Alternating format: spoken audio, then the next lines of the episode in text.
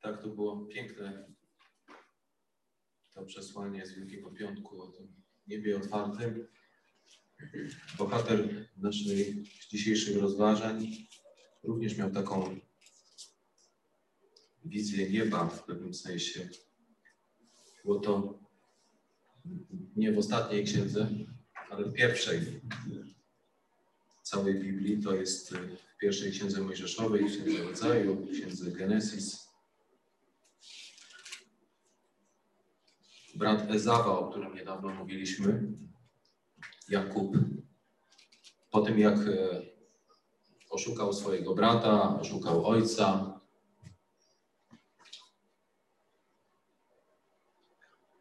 no musimy to przyznać przy współudziale jego mamy też.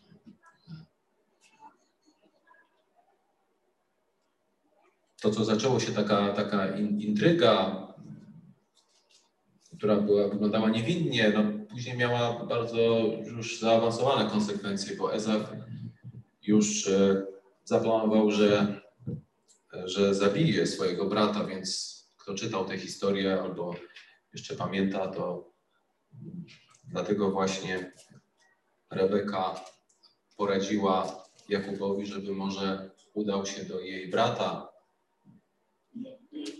żeby uciekł. Przy okazji, jak jak to w życiu bywa, bardzo tak umiejętnie sprawiła to, że Izaak myślał, że to był jego pomysł, że e, Jakub powinien wyjechać, więc to takie znane nam historie z różnych e, rodzinnych wydarzeń. W każdym razie ten Jakub e, najpierw oszukał brata w kwestii pierworództwa, pamiętamy to, później wyłudził błogosławieństwo swojego ojca, to było najprawdziwsze oszustwo. Tam trudno, trudno wytłumaczyć to w taki jakiś zawoalowany sposób, ponieważ na pytanie, czy jesteś Ezawem, on mówił, że jestem Ezawem, więc to nie mamy złudzeń. No, no oszukał tatusia. I potem uciekł. I ta historia Jakuba, który później wiele lat się tułał, który jest takim już pierwszym protoplastą tego narodu wybranego, takim już taki, takiego stricte tego ludu Izraela, który imię wziął właśnie od niego, jemu dał Bóg później na imię Izrael, zmienił mu to imię Jakub, którego jednym ze znaczeń jest właśnie taki oszust, Właśnie historia tego Jakuba pokazuje nam też e, coś, co jest takim, e, myślę, wspaniałym uzupełnieniem, uzupełnieniem dla tego wyzwania, jakie przyjęliśmy ze Słowa Bożego po tym, jak mówił e, Mateusz do nas, bo wyzwanie pozostaje, natomiast jest jeszcze Bóg, który jest Panem też czasu, sposobów działania, indywidualnego traktowania każdego z nas.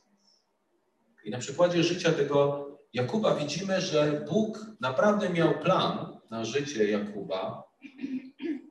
Myślę, że miał i plan na życie Ezawa, tylko o tym już mówiliśmy wcześniej, jak to się stało, że ten Ezaf e, trochę jednak na własne życzenie tak wyszedł poza ramy tego planu.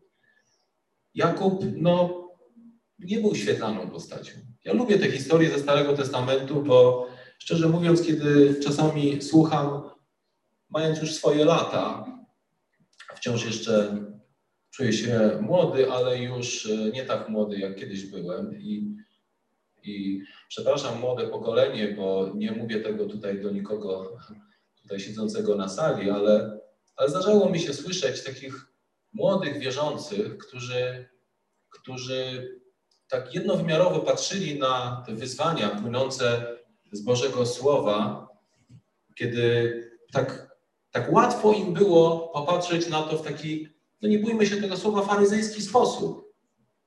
Jezus powiedział, czy nie powiedział? Tak czy siak? Winny, niewinny. Ale najczęściej ci, którzy to mówią, oczywiście są najczystsi i najwspanialsi, ale głównie dlatego, że są tak młodzi, że jeszcze nie zdarzyło im się zderzyć z takimi lokomotywami, jak ci, których tak łatwo było im zaklasyfikować winny, niewinny.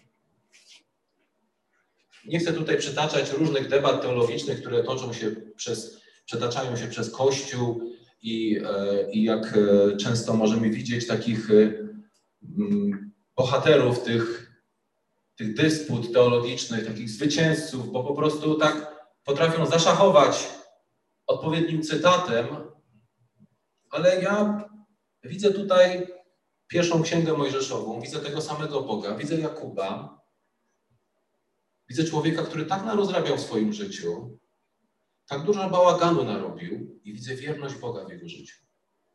I nie widzę tutaj e, nikogo takiego, kto by go natychmiast z, e, wypisał z tego planu. I nie widzę, żeby Bóg w taki sposób to zrobił. Bóg jest większy niż te nasze upadki. Ten Jakub jest jednym z takich przykładów w Słowie Bożym na, na takiego człowieka, który, który potrzebował bardzo dużo czasu, żeby Bóg go nauczył czegoś, żeby go prawdziwie przemienił. Jedną z wartości takiego, takiej obserwacji jest to, że, że kiedy patrzymy na Jakuba na początku jego życia i widzimy jego koniec, to naprawdę widzimy różnicę naprawdę widzimy różnicę. I to jest coś pięknego. To jest moje marzenie, żeby, żeby kiedyś ktoś, ktoś e, zobaczył różnicę. Pamiętam, jak przerażony byłem wtedy, kiedy już się nawróciłem. Byłem jeszcze e, młody, bezdzietny, chyba już zamężny. Że, żonaty, przepraszam, nie zamężny. Proszę tego nie nagrywać. Dobrze powiedziałem chyba. Więc i spotkałem kogoś, kogo znałem kilka lat wcześniej. I myślałem, że naprawdę, tak w swojej naiwności myślałem, że ten człowiek po krótkiej rozmowie ze mną padnie na twarz, zobaczy, jak Jezus mnie zmienił. Ale usłyszałem słowa, które po prostu mnie tak zabolały do żywego. Ty się nic nie zmieniłeś. Ja myślałem, nie. Naprawdę. To jest najgorsze, co mógłbym usłyszeć. Jakbym na łożu śmierci spotkał mojego kolegę z podstawówki, on powiedział, ty, ty się nic nie zmieniłeś. To bym chyba umarł wtedy. Bo Jakub się zmienił, ale Bóg użył pewnego, pewnej takiej metody też. Sam bardzo się zaangażował. Mówimy o tym niebie, które mu pokazał. Tak naprawdę nie szczędził mu takiej duchowości, bo wtedy, kiedy Jakub położył się spać, Teraz to rozumiem, bo wcześniej nie rozumiałem, dlaczego on miał kamień, ale niedawno kupiliśmy sobie nowy materac i wybraliśmy twardy. Chociaż Magda radziła, mówiła, bo ona się zna na tym, nie taki twardy. Nie, twardy. No ale kupiliśmy to w takiej firmie, no nie mogę mówić jakiej firmie, bo byłoby to blokowanie produktu. Tam była taka opcja, że można to oddać i wymienić na inny. No więc on rzeczywiście był jak kamień, ten pierwszy. Więc do tej pory nie, no tak, trochę jestem w stanie się utożsamić z tym Jakubem, ale nie do końca rozumiem, dlaczego miał ten kamień pod głową. Prawdopodobnie dlatego, żeby jakiś wąż go nie zaatakował, to chyba tak ktoś kiedyś tłumaczył. Ale on wtedy zobaczył tę drabinę do nieba, taką aniołów schodzących, wchodzących.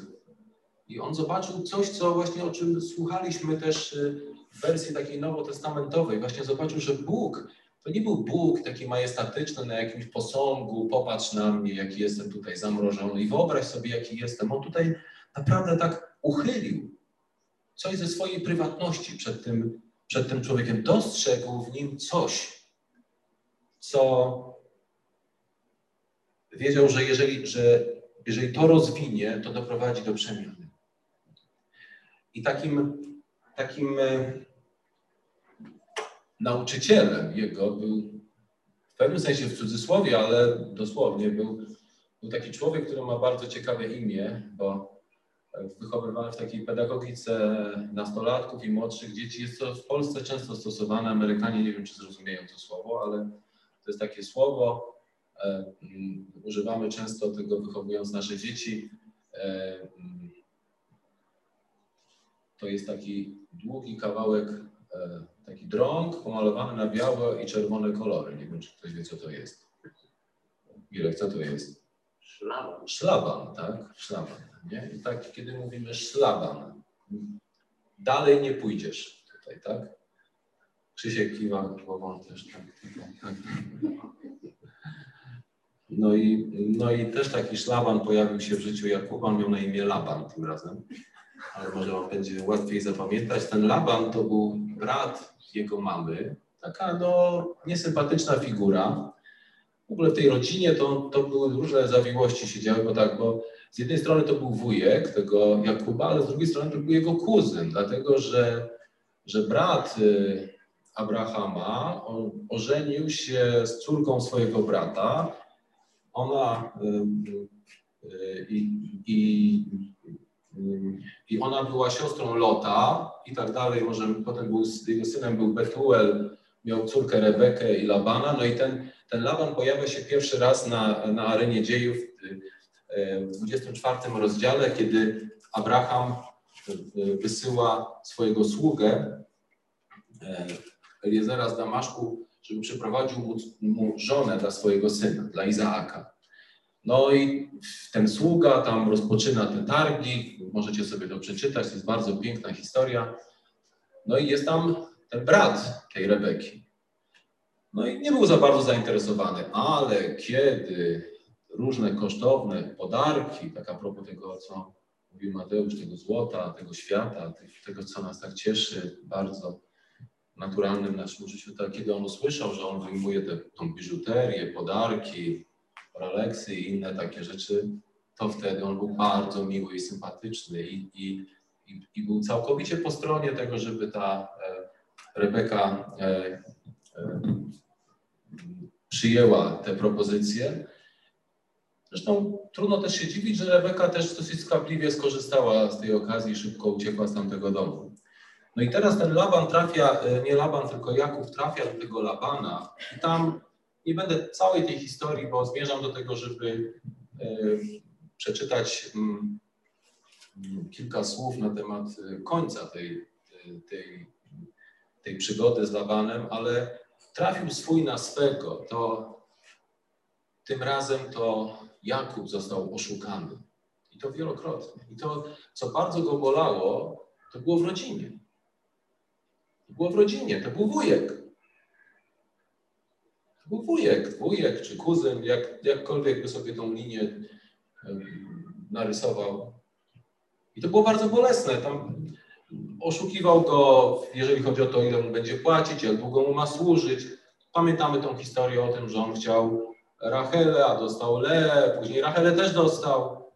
Ale to są te historie. I, i ten, ten Jakub, ten Jakub naprawdę swoje przeszedł. Tutaj czytamy o 20 latach.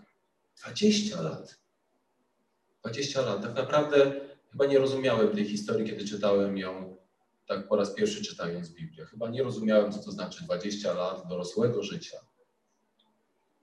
Ile to jest różnych sytuacji, problemów, wyzwań, sukcesów, porażek.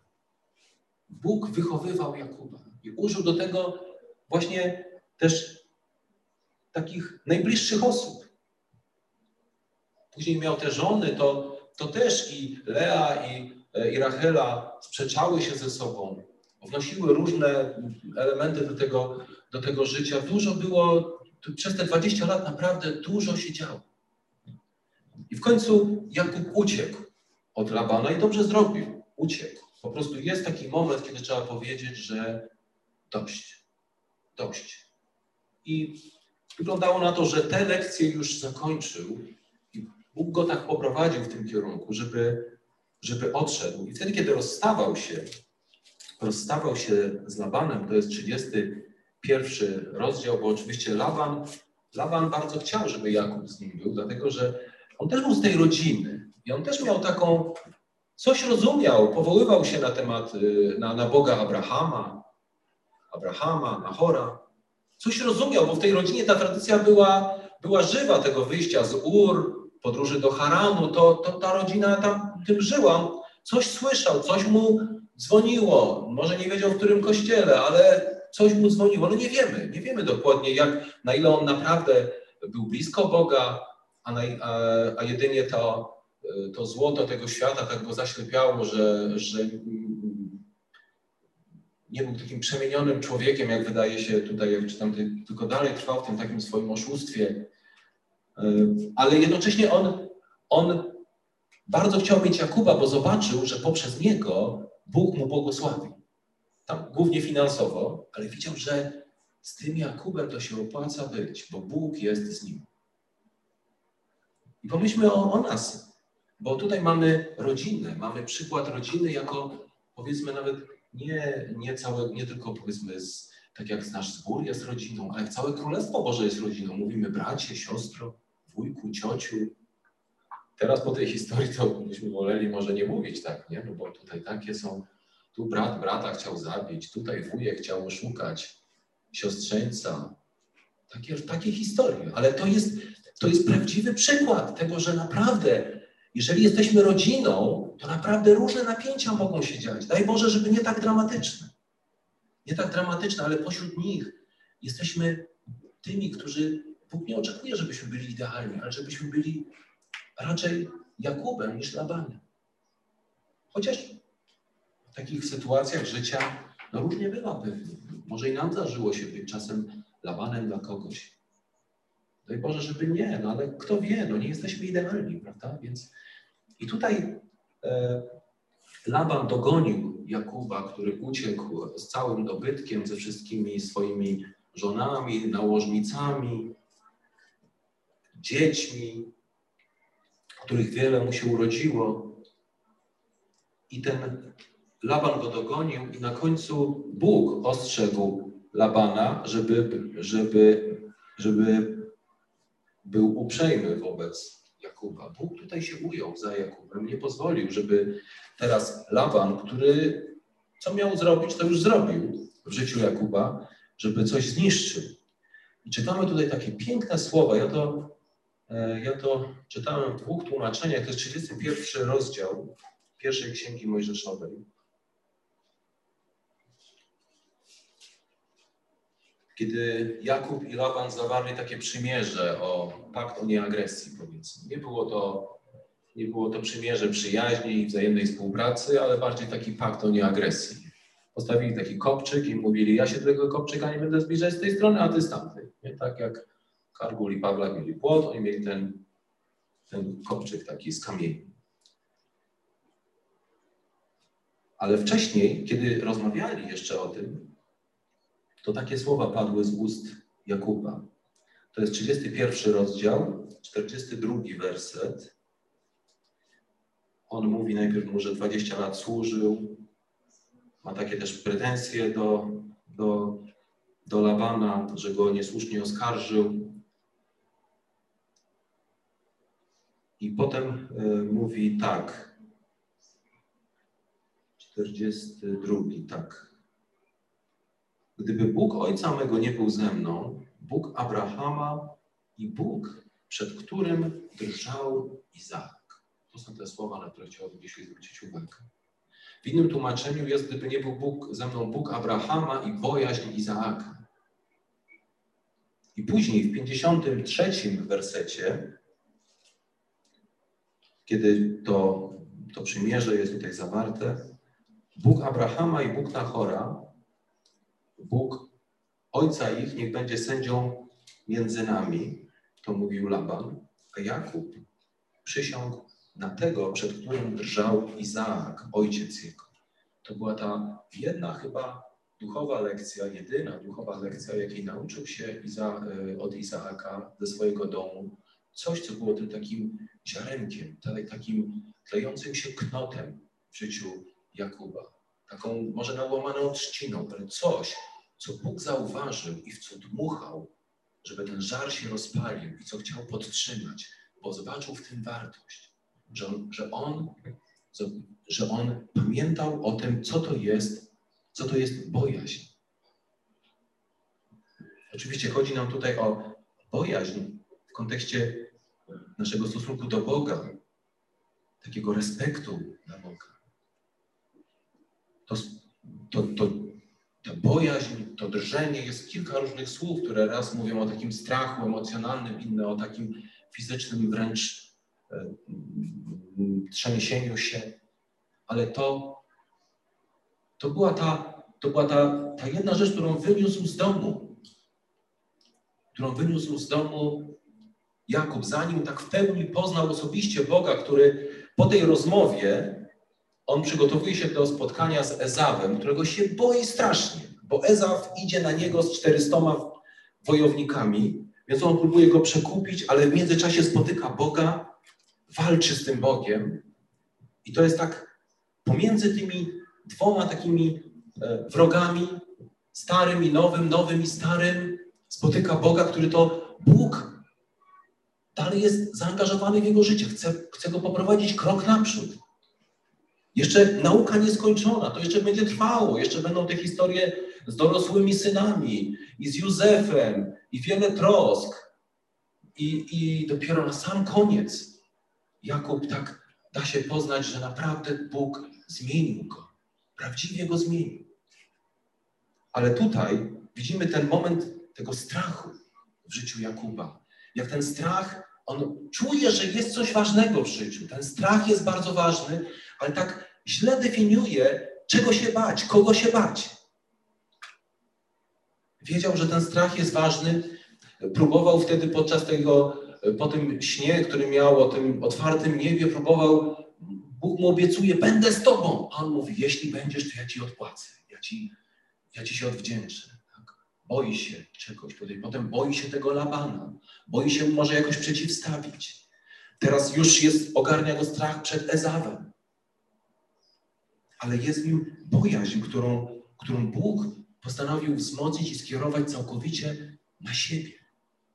Bóg był gotów walczyć z nim, żeby, żeby Jakub mógł poczuć respekt, że to, że, że Bóg jest naprawdę Bogiem w jego życiu. Że to Bóg jest tym, kto jest silny, kto ma moc zmienić, żeby Jego się bał, a nie tych wszystkich ludzi. Bo to jest taki, taki paradoks, że bać się możemy albo Boga, albo ludzi. Ale kiedy boimy się, boimy się ludzi, to, to, y, to nasz obraz Boga jest pomniejszony.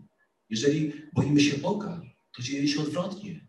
To nie boimy się tak bardzo ludzi.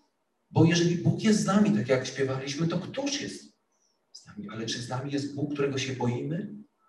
Bo jeżeli my się boimy, to i nasi wrogowie powinni się go bać.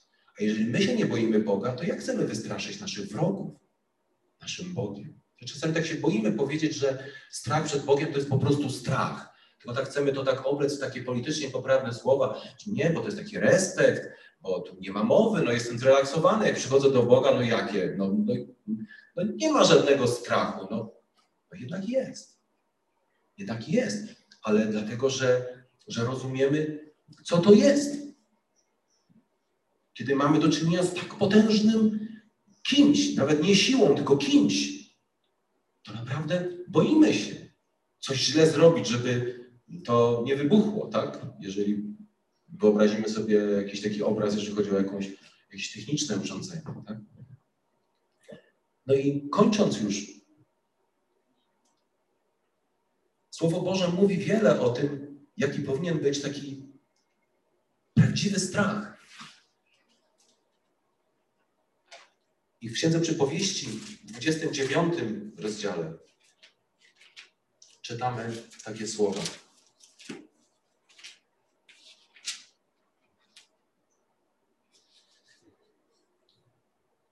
29 rozdział, 25 werset. Lęk przed ludźmi nastawia na człowieka siłę, lecz to ufa Panu, ten jest bezpieczny.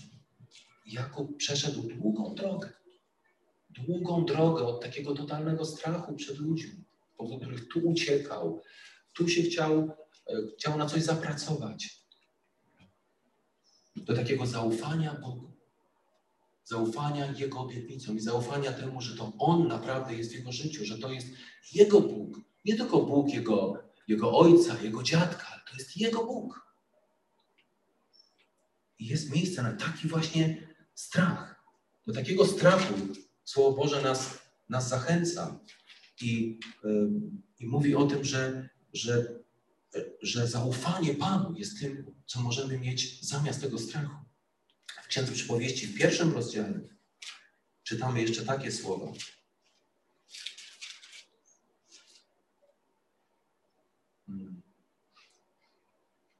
Kto mnie słucha, 33, bezpiecznie mieszkać będzie i będzie wolny od strachu przed nieszczęściem. Od tego niewłaściwego strachu uwolni nas Pan. Bojaźń przed Bogiem uwolni nas od strachu, tego, który jest nam do niczego niepotrzebny, który może nas hamuje, paraliżuje. To drżenie, w którym tutaj, o którym tutaj też y, czytaliśmy, jest pięknie opisane w ostatnim rozdziale Księgi Izajasza, 66, 66 rozdział Księgi Izajasza. Dwa wersety, drugi i piąty. Drugi werset, lecz ja patrzę na tego, który jest pokorny i przygnębiony na duchu i który z drżeniem odnosi się do mojego słowa. Piąty werset. Słuchajcie słowa Pana, wy, którzy z drżeniem odnosicie się do Jego słowa. Takiego Jakuba widzimy, z przetrąconym biodrem, o lasce, ale takiego, który coraz bardziej boi się Pana, coraz mniej ludzi. I to jest taki Boży plan również na nasze życie, żebyśmy się tego, tego nauczyli. I dlatego, dlatego czytamy o tym w liście do Filipian, w drugim rozdziale. W dwunastym wersecie czytamy tak, żebyśmy z bojaźnią i zadrżeniem swoje zbawienie sprawowali. Z bojaźnią i z drżeniem zbawienie swoje sprawicie. Ale takim pięknym kontekstem dla tego wersetu jest pierwszy werset tego rozdziału. Jeśli więc w Chrystusie jest jakaś zachęta, jakaś pociecha miłości, jakaś wspólnota ducha, jakieś współczucie i zmiłowanie, to pełnijcie radości mojej i bądźcie jednej myśli, mając tę samą miłość, zgodni, ożywieni jednomyślnością i nie czyńcie nic skutliwości, ani przez wzgląd na próżną chwałę, lecz w pokorze uważajcie jedni drugich za wyższych od siebie. Niechaj każdy patrzy nie tylko na to, co jego, lecz i na to, co cudze. W tej naszej rodzinie, rodzinie Bożego Królestwa, rodzinie naszego Kościoła, naszego zboru, naszych rodzinach. Dajmy sobie czas na to, żeby Bóg nas nauczył. I uczmy się od siebie nawzajem, co to znaczy bojaźń drżenie. Bądźmy dla siebie zachęcający, pocieszający, pełni współczu współczucia, miłości, zmiłowania, poczucia wspólnoty, że jesteśmy razem, częścią tej, tej rodziny. Nawet jeśli trafimy na jakiegoś Jakuba, to bądźmy mu wsparciem. Nie bądźmy dla niego Ezawem, Labanem, ale bądźmy mu wsparciem. Bo sami tacy jesteśmy również. Prawda? Sami potrzebujemy tego. Wszyscy jesteśmy Jakubami. Potrzebujemy przejść tę drogę. I dzięki Bogu, że możemy to przejść w takiej rodzinie, jaką mamy tutaj. Takiej rodzinie uświęconej Bożą obecnością naszego Pana Jezusa Chrystusa. Amen. Panie, dziękujemy Ci za Twoje słowo i prosimy, żebyś to, co zasiałeś, żebyś Ty, Panie, zbierał plon z tego, co Ty zasiałeś. Modlimy się o to w imieniu Jezusa. Amen.